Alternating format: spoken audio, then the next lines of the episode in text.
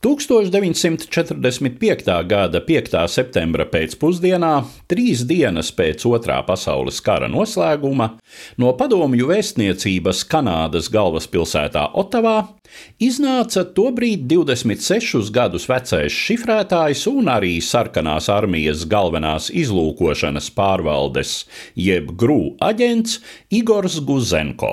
Varēja domāt, ka padomju vēstniecības darbinieks dodas uz savu dzīvokli Somerset strītā, kur mitinājās kopā ar sievu Svetlānu un abu pāris gadus veco dēliņu. Tomēr Guzenko devās nevis mājup, bet gan uz laikraksta Ottawa Journal redakciju. Viņa portfelī bija padomju slepeno šifru grāmatas un dokumenti, kuri atklāja, ka Padomju Savienība savu sabiedroto Savienoto Valstu, Kanādas un Lielbritānijas teritorijā izveidojusi pamatīgu aģentu tīklu. Tā aģentūras daļa, ar kuras darbību saskārās Guzenko, nodarbojās ar kodolieroču ražošanas tehnoloģiju izspiegošanu. Todien padomju militārās izlūkošanas aģents bija izšķīries īstenot jau kādu laiku briedušu plānu un pārbēgt. Tomēr lēmums, acīm redzot, nebija viegls. Guzenko zināja, kurās Kanādas institūcijās ir iefiltrēti grū aģenti, taču sava aģentūra Kanādā bija arī padomju iekšlietu tautas komisariātam jeb NKVD, un pārbēdzējs baidījās uzdurties kādam no viņiem. Iespējams, tāpēc aizgājis līdz Ottawa Journal galvenā redaktora kabinetam, viņš griezās atpakaļ, vēl kādas stundas pavadīja pilsētā, tad atkal ieradās redakcijā.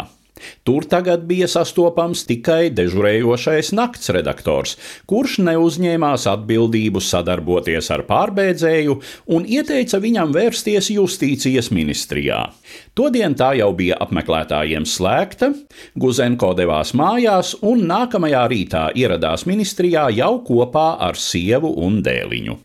Vairāku stundu gaidīšana izrādījās velta, ministrs viņu stārī nepieņēma. Ģimene devās jau atkal uz Ottawa Journal, kur viņiem ieteica vērsties Kanādas imigrācijas dienestā. Šis gājiens bija veiksmīgs. Pieteikums par Kanādas pilsonības piešķiršanu tika pieņemts, tika informēta valdība un likumsargi. Ģimene to nakt nakšņoja pie kaimiņiem, savukārt Kanādas karaliskā jātnieku policija norīkoja aicināja savus darbiniekus novērot Somerset strītas māju. Kā izrādījās, tas nebija lieki, jo naktī Guzenko dzīvoklī ielauzās četri vīri no padomju vēstniecības.